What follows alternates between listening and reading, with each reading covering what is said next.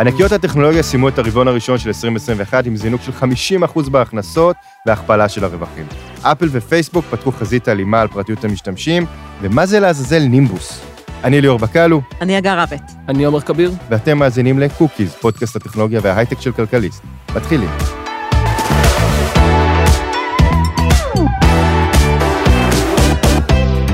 עומר, על מה אנחנו מדברים היום? אז היום אנחנו מדברים על שינוי קטן לכאורה באייפון, במערכת ההפעלה של האייפון, שיש, בעצם, שיש לו בעצם השלכות מאוד משמעותיות על הרבה חברות ועל משתמשים. עד עכשיו אפליקציות אה, יכלו בעצם לרגל אחרי מה שעשיתם באפליקציות אחרות, אה, לשאוב מהן, מידע, ולהשתמש במידע הזה כדי אה, להשאיר את הפרופיל האישי שלכם, כדי למכור לכם פרסומות יותר מדויקות. פייסבוק מאוד יעילה בזה. בעדכון האחרון, אפל בעצם חוסמת את האפשרות לעשות את זה בתור ברירת מחדל, ועכשיו כל אפליקציה שרוצה לעשות את זה, צריכה לבקש מכם אישור מפורש, בו היא מסבירה מה היא רוצה לעשות ולמה היא רוצה לעשות את זה.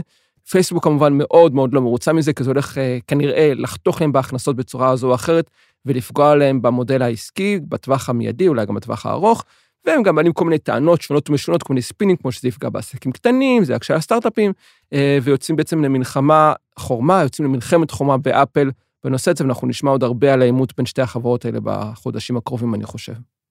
אז בעצם אם אני משתמש של אייפון, הולכות לקפוץ לי עכשיו בימים הקרובים, אחרי שאני מתקין את העדכון הזה, המון המון הודעות קופצות בכל פעם שאני אכנס לאפליקציה במכשיר? אמ, לא בהכרח, כי מסתבר שכדי שיוכלו לבקש ממך אה, את האישור, אתה צריך קודם להיכנס להגדרות שם ולהפעיל איזה פונקציה, אחרת הן לא יכולות לבקש את ההרשאה הזאתי, אבל כן יכולות להציג כל מיני הודעות בדרכים אחרות. אז כן, אתה תראה כנראה הודעות לא יודע אם בכל האפליקציות, אבל בהחלט באפליקציות שמסתמכות על פרסום, זה פייסבוק בטוח, אינסטגרם שהיא של פייסבוק, יכול להיות שאפליקציות של גוגל, אולי גם ווייז שגם עושה פרסומות, או אפליקציות שרוצות להעביר מידע לאפליקציות שעושות פרסומות, כמו קאיאק למשל, ואפליקציות אחרות. זה נשמע די מעיק, למה זה טוב לי? אמ, א', כמובן אתה יכול למנוע מהן לבקש ממך, זה לא כזה מעיק בהכרח. וזה טוב לך מבחינת הפרטיות, פשוט אומר שיוכלו לאסוף עליך פחות מידע, יוכלו לרגל אחריך פחות באפליקציות אחרות. אמ, פונקציית פרטיות, שזה חלק מהאסטרטגיה אמ, מאוד ארוכה של אפל, שטים קוק מוביל, לשווק את הפרטיות כ feature של האייפון, של ה ecosystem של אפל, בניגוד ל ecosystem מתחרה כמו גוגל, ששם ה feature זה שאתה מקבל דברים בחינם. היה איזשהו שינוי אה, לפני, נדמה לי, שאני לא זוכר אם זה היה עם ה-GDPR או שזה היה במקביל, שבעצם התחלנו אה, להידרש, לסמן האם אני מסכים ל cookies. נכון, נכון, כן. במסגרת הגלישה שלי באתר. כן. Uh, התחושה שלי כמשתמש הדיוט היא שבעיקר קופץ לי כל הזמן חלון כזה כמעט כל פעם שאני נכנס לאתר, גם אם נכנסתי אליו בפעם המאה, ודי מהר אתה פשוט אומר, כן, תן לי את הקוקיז האלה, עזוב אותי בשקט, תן לי לגלוש. אז חוץ מזה שיש לי חלונות קופצים שמציקים לי, איפה זה באמת עוזר לי? זאת אומרת, מה, מה ימנע מזה להפוך לבדיוק אותו דבר? אמ, א', כאן הרבה יותר קל להגיד לא, מאשר להגיד כן. זאת אומרת, מי שמעצב את ההודעה זה לא האתר, שמן הסתם רוצה לדחוף אותך בדפוסים אפלים, ללחוץ על כן, זה אפל עיצבה את זה, והבחירה בכן או לא היא זהה, ואני חושב שגם הכן אפילו יהיה, הלא ריגול יהיה יותר מובלט, יותר נגיש, אז כן, יהיו לך הרבה חלונות קופצים, אבל הנטייה שלך תהיה, האוטומט תהיה דווקא לעשות לא. אבל אז זה מעלה שאלה אחרת, עומר. למה בעצם יש לי כמשתמשת איזשהו אינטרס כן לאשר לחברות לאסוף עליי מידע? אמ, שאלה טובה. זה מה שפייסבוק אה, תנסה בעצם למכור למשתמשים כדי לשכנע אותם. היא תגיד שזה יאפשר לך להציג, לקבל פרסומות יותר מדויקות. לפייסבוק יש איזו תיאוריה שמשתמשים רוצים פרסומות מדויקות. היא אומרת, כל פעם שאנחנו שואלים משתמשים... לא הבנתי את התיאוריה הזו. כן, היא אומרת, כל פעם שאנחנו שואלים משתמשים, הם אומרים שהם רוצים פרסומות יותר מדויקות. אני חושב שזה קשור לאיך שואלים אותם, בטח מציגים לזה שאתם רוצים פרסומת שתמכור לכם איזה חיתולים מבוגרים, או פרסומת שמוכרת להם חופשה בחו"ל. במקום להעביר להם מה כרוך בפרסומות המדויקות, אבל זה תיאוריה של פייסבוק שהיא תמיד מפיצה, אה, כאמור, לא באמת ברור מה מבוססת.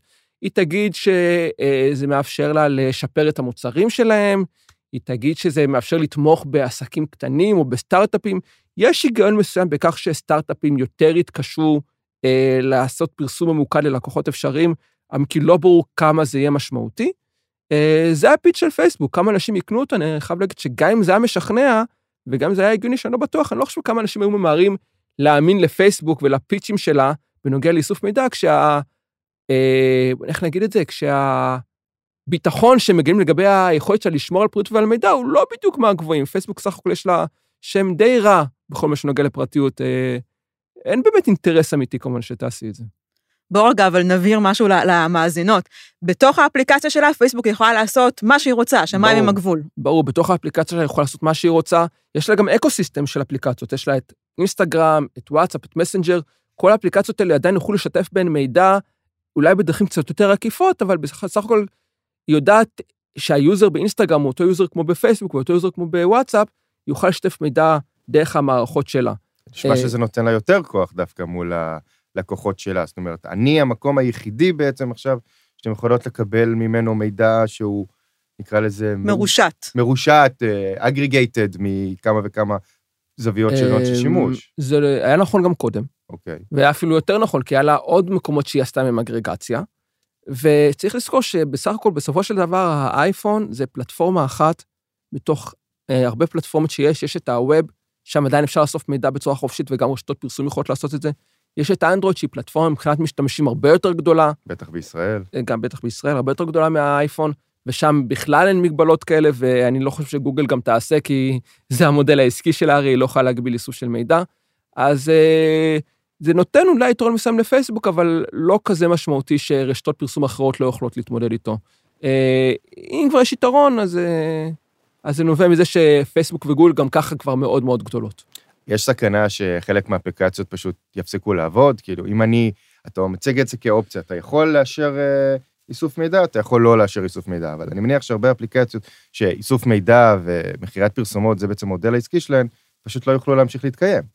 אמ, שוב, הם עדיין יכולות לאסוף מידע ועדיין יכולות למכור פרסומות, הם פשוט לא יכולות לעשות את זה על פעילות באפליקציות אחרות.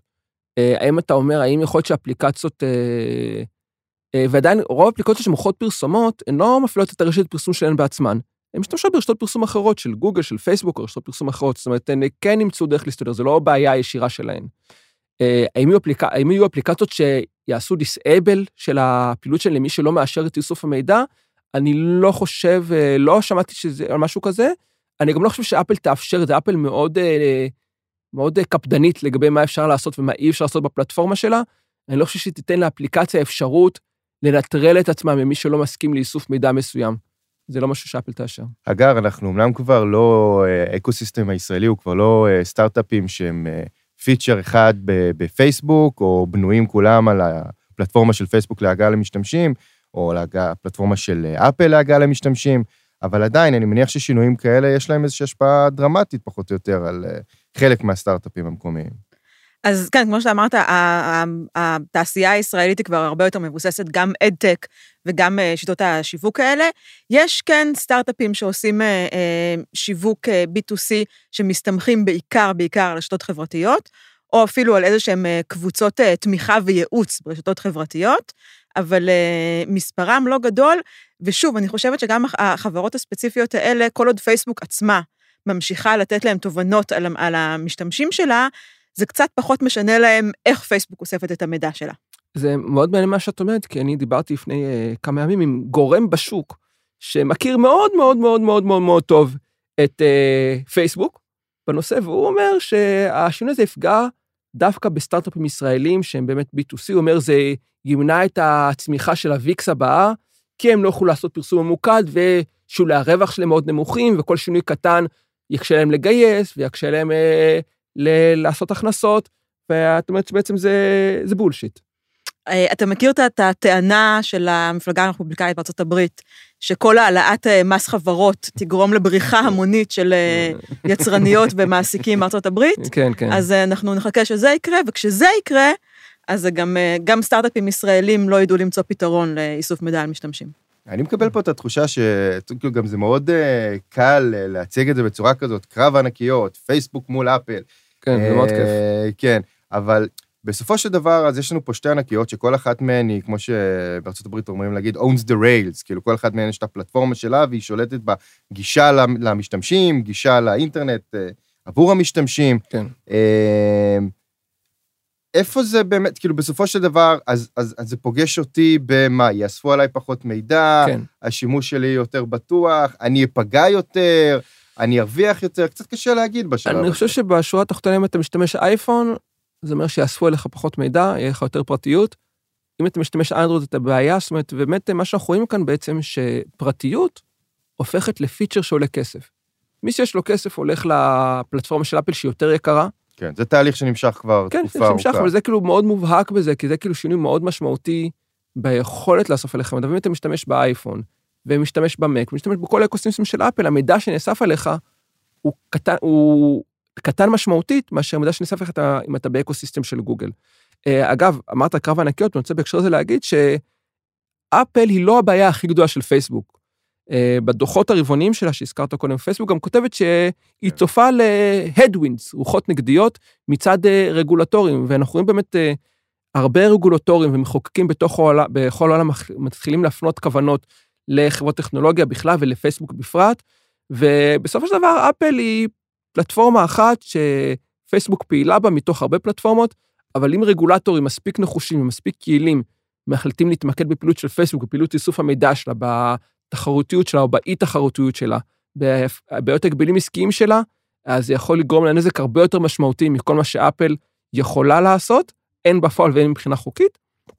וכבר ראינו את זה באוסטרליה, שם אה, פייסבוק נכנסה לעימות מאוד גדול סביב תשלום על אה, מו"לים, על הפעת תוכן חדשות ברשת החברתית, אפילו חסמה את החדשות בפלטפורמה שלה באוסטרליה לכמה ימים, ובסוף אה, מהר מאוד ירדה מהעץ ושילמה לאוסטרלים, ועכשיו זה עורר תיאבון בהרבה מדינות אחרות. אם כבר אייפון ושינויים באייפון, אז בוא ככה נתייחס לזה שאפל פיי אה, אמורים להיכנס לישראל. אה, כן. כמה מילים, בוא תסביר מה זה אפל פיי ולמה זה צריך לעניין אותי בתור משתמש. אפל פיי זה בעצם שירות אפליקצ... אפליקציית ארנק דיגיטלי של אפל, היא בעצם מאפשרת לאחסן את הפרטי כרטיס אשראי באייפון ולשלם עם הרכיב NFC של אייפון בנקודות מכירה. היום בטח כבר שמתם לב שיש את ה-tap to pay, שאתה משלם רק להניח את הכרטיס אשראי על המכשיר. וי-פיי, כמו שאוהבים לקרוא לזה כן. בשוק. כן, של להניח את הכרטיס אשראי על המכשיר בסופרים או בבית מרקחת או אפילו בחנויות קטנות, ותוכל לעשות את זה פשוט אותו דבר עם האייפון.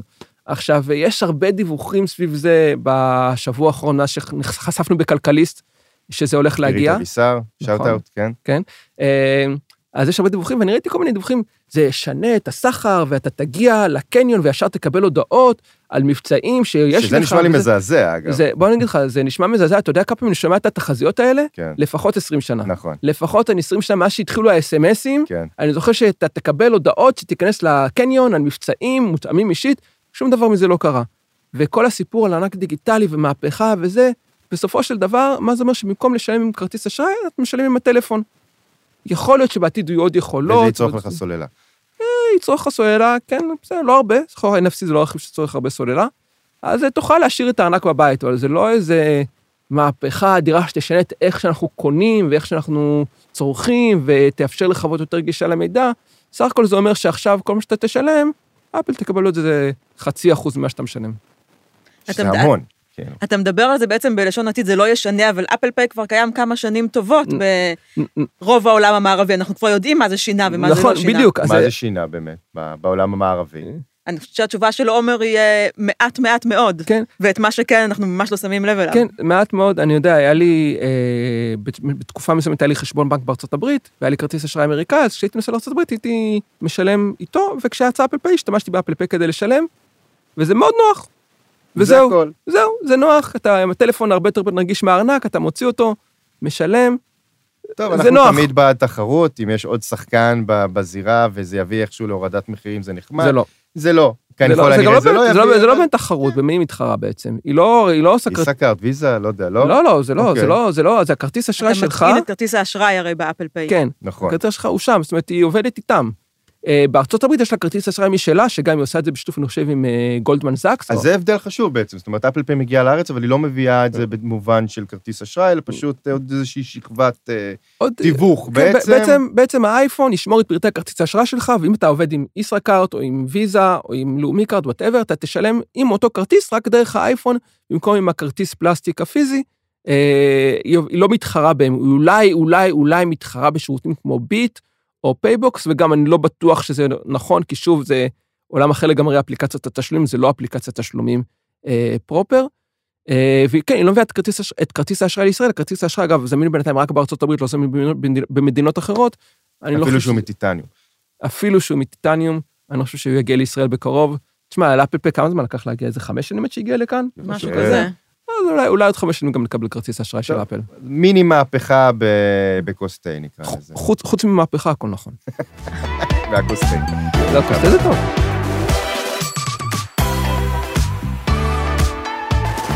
אגב, בואי תסבירי לי בבקשה, וכולנו, מה זה נימבוס? אז אה, נימבוס זה פרויקט תשתיות הענן של אה, ממשלת ישראל, אה, שהחליטה, יש שיאמרו בדיליי רציני, שגם לישראל מגיעה תשתית ענן, זה אומר שיהיו לנו כאן אה, חוות שרתים, סרברים משלנו, אה, שאותם כמובן לא תקים הממשלה, אלא יקימו זכייניות שזכו במכרז. עכשיו, כמו שחשפנו בכלכליסט לאחרונה, מי שזכה במכרז הזה זה אה, גוגל ואמזון. אה, הן הולכות להקים את אה, תשתיות הענן של אה, מדינת ישראל, אבל היו עוד כמה מתמודדות, ואנחנו כבר יודעים ששתיים מהמתמודדות שלא זכו, מייקרוסופט ואורקל, גם הודיעו על הקמת תשתית ענן בישראל, גם על הדרך הם, הם תבעו כדי לקבל יותר מידע למה הם לא זכו במכרז, זה אבל עדיין הם גם מתגלגל, מקים, כן, זה עדיין מתגלגל, אבל הם גם מקימות תשתית ענן בישראל. ולמה כל הדבר הזה צריך לעניין אותנו? אז אה, למה צריך לעניין אותך? אם, אם השאלה היא האם זה ישפיע על הטעינה של אה, חשבון הג'ימל שלי, ואם תקבל אה, מיילים יותר מהר, כן, רגע, הוצאתי את השאלה מהפה, האם הג'ימל שלי הולך להיטען מהר יותר סוף סוף? כי זה מה שאנשים רוצים לדעת, האם המייל יעבוד יותר מהר. האם נטפליקס או יוטיוב לצורך האם- העניין ייקח פחות שניות להיטען? זה דווקא האם באמת שאלה ה-ICQ מעניינת. יעלה יותר מהר? בוא נביא עוד שירותים לא רלוונטיים. יוטיוב? ג'ימל? לא, שירותים לא ג'ימל, רלוונטיים? נו, אימייל, באמת. לא משנה. לא משנה, אני- זה עדיין מאוד רלוונטי בעיניי, אבל אתם. תחליטו בינתיים מה רלוונטי, ואני אענה לכם שככל הנראה לא, וגם אם כן, לא משהו שתרגישו בו. אוקיי. אה, זה, זה יותר משפיע על אה, חברות שעושות היקפי חישובים בקנה מידה גדול יותר, קצת מלקבל שלושה מיילים בשעה, אה, אבל זה גם, הלוואי והייתי מקבל רק שלושה מיילים בשעה, כן. אה, אבל זה גם אה, אמור להשפיע על, אה, על המחירים שחברות ישראליות אה, ישלמו, וזה בגלל התחרות, כי לא נכנסות כאן, כמו שאמרתי, זה לא שנכנסות כאן רק אה, שתי חברות שזכו במכרז, נכנסות עוד שתי חברות לפחות, אני מניחה שאנחנו גם הולכים לשמוע על אה, עוד כמה שיקימו כאן תשתיות ענן בשנה הקרובה. אני, סליחה שאני רוצה להבין איך זה ישפיע על המחירים, כי כבר עכשיו חברות ישראליות יכולות לבחור בין שירותים של גוגל, של מייקרוסופט, של אמזון, שלא רק על, פשוט הן לא יושבות כאן, אז למה עצם זה שהן נכנסות לארץ, במקום שהן יושבות בחו"ל, משפיע פתאום יוצר יותר תחרות? אז החברות האלה נכנסות לארץ, הן גם רוצות בתכלס שישתמשו בהן בתשתיות שהן מקימות כאן. הן לא יקימו כאן תשתיות שיעמדו ריקות, או שישמשו רק את אה, צה"ל, מערכת המחשוב של צה"ל. הם כבר הקימו מערכת data center, אז הם רוצים עוד לקוחות שישתמשו בהם. אה, מן הסתם זה הולך ליצור אה, תחרות. אתם יודעים, כשפותחים, כשפותחים סופר חדש ליד הבית שלך, למרות שכבר יש סופר, שני רחובות ליד, נוצרת קצת יותר תחרות בדבר הזה. זאת אומרת, הן פשוט יתחרו אקטיבית על לקוחות ישראלים שהן אולי עשו פחות עד כן, עכשיו. כנראה שיהיו קמפיינים שיווקיים, לפחות בהתחלה, יהיו קמפיינים שיווקיים, יהיה יותר מאמצי שיווק, יהיה יותר אנשי שיווק, אה, שינסו לפנות לחברות ישראליות. זה ככל הנראה אמור להשפיע גם על המחירים שהלקוחות הישראלים משלמים.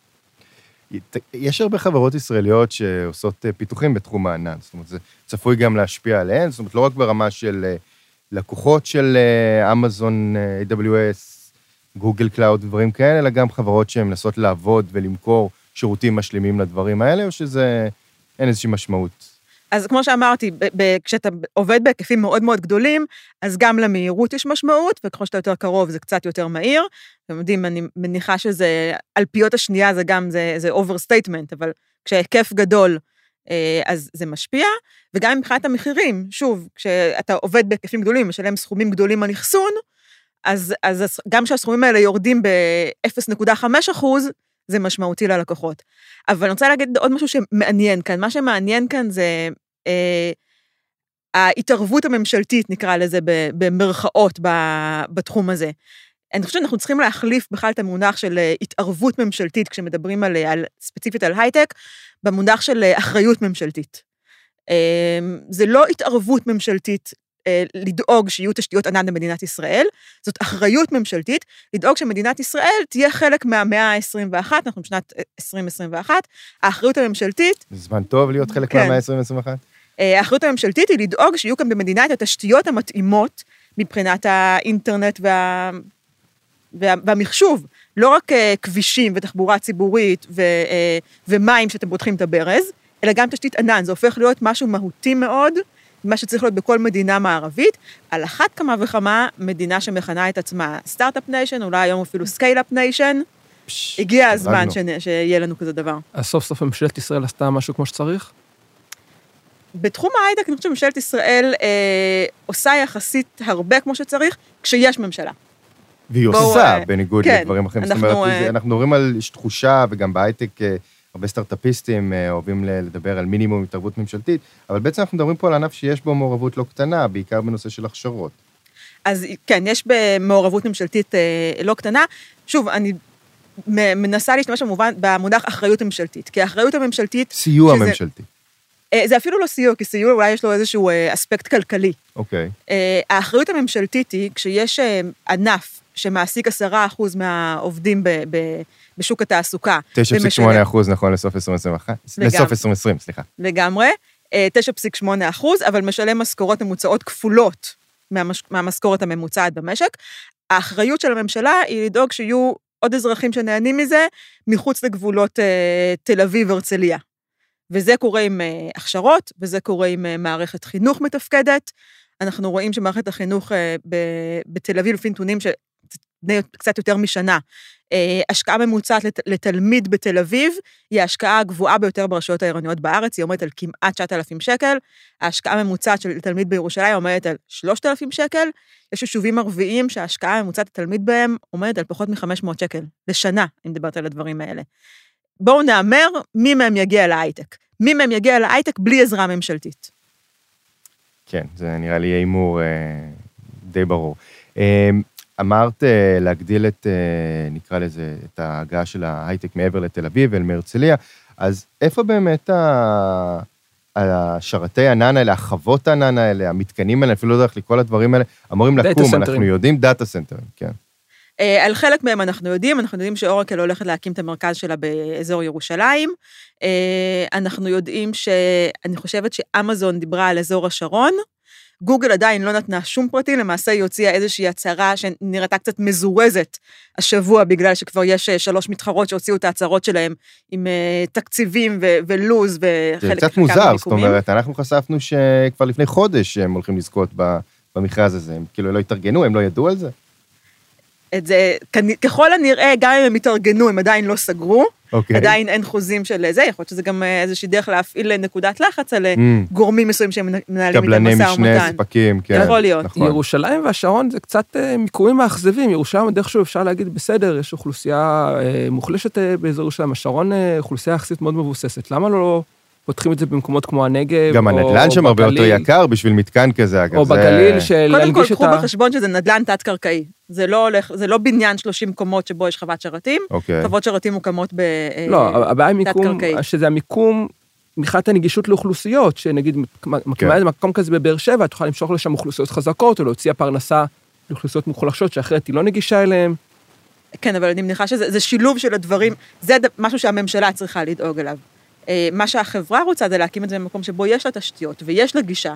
אני מניחה ויש אנשים שיבואו לעבוד, בניגוד נכון. למשל, אתה אומר, עיר הבה"דים למשל, כן. שאנחנו שומעים על שני- הסאגה הבלתי נגמרת, שאנשי אה, הטכנולוגיה של צה"ל פשוט לא רוצים לעבור לשם, כן, מצד שני- מעדיפים לעזוב. מצד שני, כשאתה, שם כמו גוגל או אמזון, יותר ככה למשוך עובדים מאשר אתה צה"ל. זה נכון. זה, והאם יכול להיות שדווקא, כי דיברנו על הכשרות ועל צמצום פערים, אם יכול להיות שדווקא מרכזי העניין האלה, במקום לצמצם פערים, דווקא ירחיבו פערים?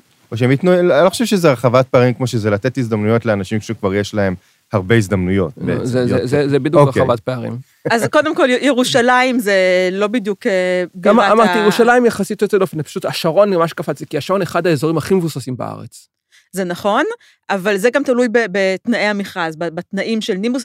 אם החברה, שוב, אם אנחנו מדברים על שתי המתחרות שלא צריכות לענות לתנאי המכרז, אז אה, אין להם כנראה גם את הטבות המס, ואין שום סיבה שהם יקימו את זה דווקא באזורים שמאתגר להם יותר להקים אותם. אגב, בהקשר הזה אנחנו יכולים לראות את ההכרזה של אינטל מהשבוע, על זה שהיא הולכת לגייס סך הכל 1,400 עובדים בארץ, חלק מהם ל- להבאנה לאבס, חלק מהם לאינטל עצמה, אחרי שב-2020 היא לא כל כך גייסה עובדים. אה, ואינטל מחויבת, בגלל הטבות המס המפליגות שהיא מקבלת, אינטל מחויבת להעסיק עובדים בפריפריה. יש, אנחנו מכירים כולנו את המפעל בקריית גת, אבל הרבה מהעובדים הפעם הולכים לה- להגיע למרכז בחיפה. זאת אומרת, אינטל, זה, זה גם מראה, שוב, את האחריות הממשלתית. שהטבות מס צריכות להגיע יחד עם שיטת המקל והגזר. אנחנו ניתן לכם את הטבות המס, בתנאי שאתם תתרמו משהו ל, ל, למדינה. טוב, בשביל זה צריך באמת לקבוע בתנאים של המכרזים האלה, שהם צריכים להקים את אה, הדאטה סנטרים האלה במקומות ספציפיים, אזורים ספציפיים. כן, למרות שהחברות שמאוד מתהדרות בתדמית ליברלית וב inclusion וברצון אה, לקדם אוכלוסיות מוחלשות, יכולות גם לעשות את זה מרצונן. אם באמת התדמית היא באמת אה, משהו אמיתי ולא סתם תדמית, אבל בסדר. טוב, פה זה כבר פער, פער אידיאולוגיה, כן. אבל... אה, הן גם כן. יכולות לחלק שוקולדים, גם את זה הן לא עושות. למה? כן. הן דווקא מחלקות יופי שוקולדים לעובדים, העובדים מקבלים המון שוקולד. הבעיה. זה אנשים שלא עובדים שם. סוסי, כן. סושי, ימי שלישי סושי, זה סושי, גלידה. נכון, ערב חברה. אוקיי, אז דיברנו על אינטל, דיברנו על שרתים, עוד משהו גדול שקרה השבוע בהייטק המקומי, זה הכניסה המסיבית של בלקסטון. מה זה בעצם הדבר הזה?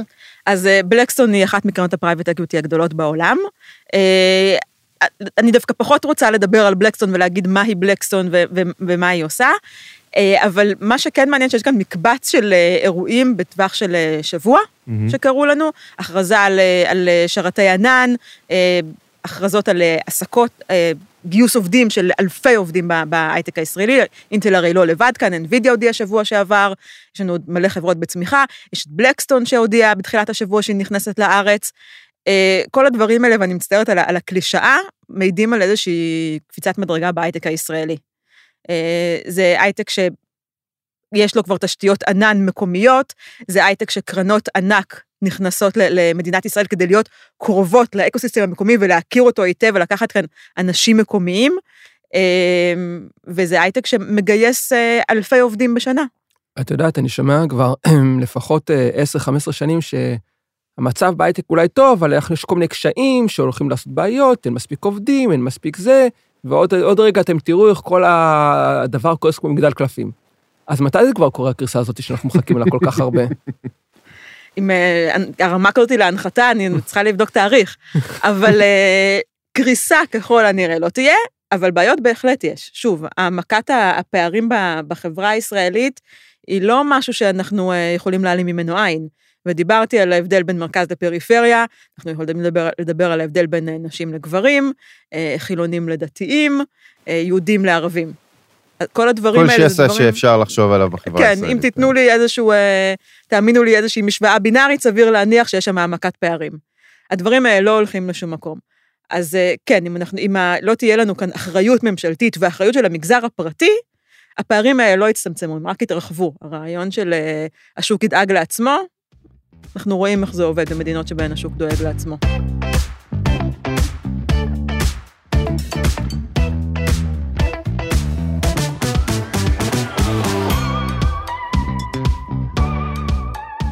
אז מה cookies נעבור לקוקיות, כמה דברים קטנים שריגשו אותנו השבוע, אגב. אז אה, אגב קוקיות, מה שריגש אותי מאוד השבוע זה שופטת הכדורגל אה, ספיר ברמן. אה, למי שהצליח לפספס את הדבר הזה, שופטת טרנסג'נדרית ראשונה בליגת העל היש- הישראלית, מה הכל בחוץ, הכל על פני השטח, ועם תמיכה ממש לא מובנת מאליה של הליגה לכדורגל. זה היה ממש מרגש לקרוא את הדברים האלה ולראות את מסיבת העיתונאים שלה. יפה. עומר? טוב, ריגוש זה קצת מילה גדולה, אבל ננסה. אה, אולי שני דברים. אה, אחד, אה, ספר חדש של בקי צ'מברס, אה, זוכת פרס פוגו לסדרה הטובה ביותר, ספר הרביעי בסדרת וייפרר, אה, The Galaxy and the Ground Within. סופרת מדע בדיוני שכותבת מדע בדיוני שהוא מאוד אנושי, למרות שיש הרבה חייזרים בסיפורים שלה, דמויות, דמויות עמוקות, עלילה שמורכבת לא על התרחשויות חיצוניות, אלא על אינטראקציה בין דמויות. אני רק בשליש הספר, אבל הוא כבר מאוד מעניין כמו הספרים הקודמים שלה. והסתיימה העונה של אה, All Mankind באפל TV פלוס, אה, סדרה שמציגה יקום חלופי שבו הרוסים הגיעו לראשונה לירח, עם שום דמויות מעניינות, עם טאץ' פמיניסטי מאוד יפה, אה, והייתה עונה מאוד מוצלחת ומעניינת, אז אה, מי שעוד לא ראה, אפשר ללכת לראות עכשיו באפל TV פלוס, או להוריד מהאינטרנט כמו רוב העולם. חס וחלילה. אבל אנחנו לא מעודדים אבל התנהגות כזאת. אנחנו לא מעודדים להוריד בביט-טורנט מאתר אה, tvrss.info. או אתרים חלופיים שאנחנו לא נעשה להם אה, לא, פרסומות. לא, לא, בהחלט לא. אני החלטתי שהגיע הזמן לנסות את אה, המתכון הוויראלי שרץ בטיקטוק ב- לפחות חצי השנה האחרונה, של, אה, לא יודע אם נתקלתם בזה, כתבו על זה לחם כבר... בננות. לא לחם בננות, אפילו לא קרוב. כתבו על זה, נראה לי, גם בכל אתר אפשרי, כולל פה בישראל. אה, פסטה, פטה ועגבניות שרי. אה, איזה מקורי. כן, פסטה לא, ועגבניות. אני לא חושבת שהייתה כאן טענה למקוריות, הייתה כן, טענה כן. לווירליות. כן, בדיוק, אוקיי. טענה לווירליות. אה, ואני רוצה אה, לספר לכם שזה אכן קל מאוד להכנה, ומאוד מאוד טעים, ואני ממליץ בחום. אז אתה אומר מיליארדי אה, אה, משועממים ברשת לא טועים. אני אומר שגם דברים קטנים שמתחילים מאיזשהו אה, בלוג או אתר בישול פיני, אה, וזוכים לתעודה עולמית בזכות הרשתות החברתיות שעטות עלינו מכל כיוון, אה, ואז מתחיל לחות, אה, ואז הדברים האלה חודרים למיינסטרים, אז לפעמים הדברים האלה זה נחמד. וזה בתנאי נחמד, שיש בהם עגבניות. בתנאי שיש בזה עגבניות, כאילו, אני יודע שיש אנשים שנורא קשה להם עגבניות, אני אישית מאוד מאוד חובב, ספציפית של עגבניות שרי. אה, רק רציתי להגיד שזה דבר אחד קטן וחמוד, שאני חושב שזה יפה עם כל ה... הרשתות חברתיות, טיק טוק, אה, פייסבוק במיוחד, זה כאילו מאוד מתקשר לדברים שליליים ב, ב, בתקופה טוב. האחרונה, וזה נחמד שיש גם דברים חמודים שאפשר לייצר מזה. אז אז. עכשיו כשדיברת על אוכל, אני אני יודע מה הייתי צריך להגיד קודם, אז אני נו. אגיד את זה עכשיו בכל זאת, ש Epicurious, אתר המתכונים המתכונים והבישולים של Condé Nast, הודיעו שהם אה, מפסיקים לפרסם, לקדם מתכונים עם בשר בקר, כחלק מהמאמצים לקדם צריכה של פחות בשר בקר, שהוא מאוד אה, מזיק מבחינת פליטות גזי חממה, אה, וזה היה אחלה ומצוין, מעולה מבחינתי שהם עשו את זה, למרות שאני עדיין מאוד אוהב סטייקים והמבורגרים. אוקיי, סבבה. עד כאן העוגיות שלנו להיום, תודה לרועי ברגמן מכלכליסט, תודה לאופיר גל ודניאל כהן מאולפן אה, סופה. אה, להשתמע בשבוע הבא.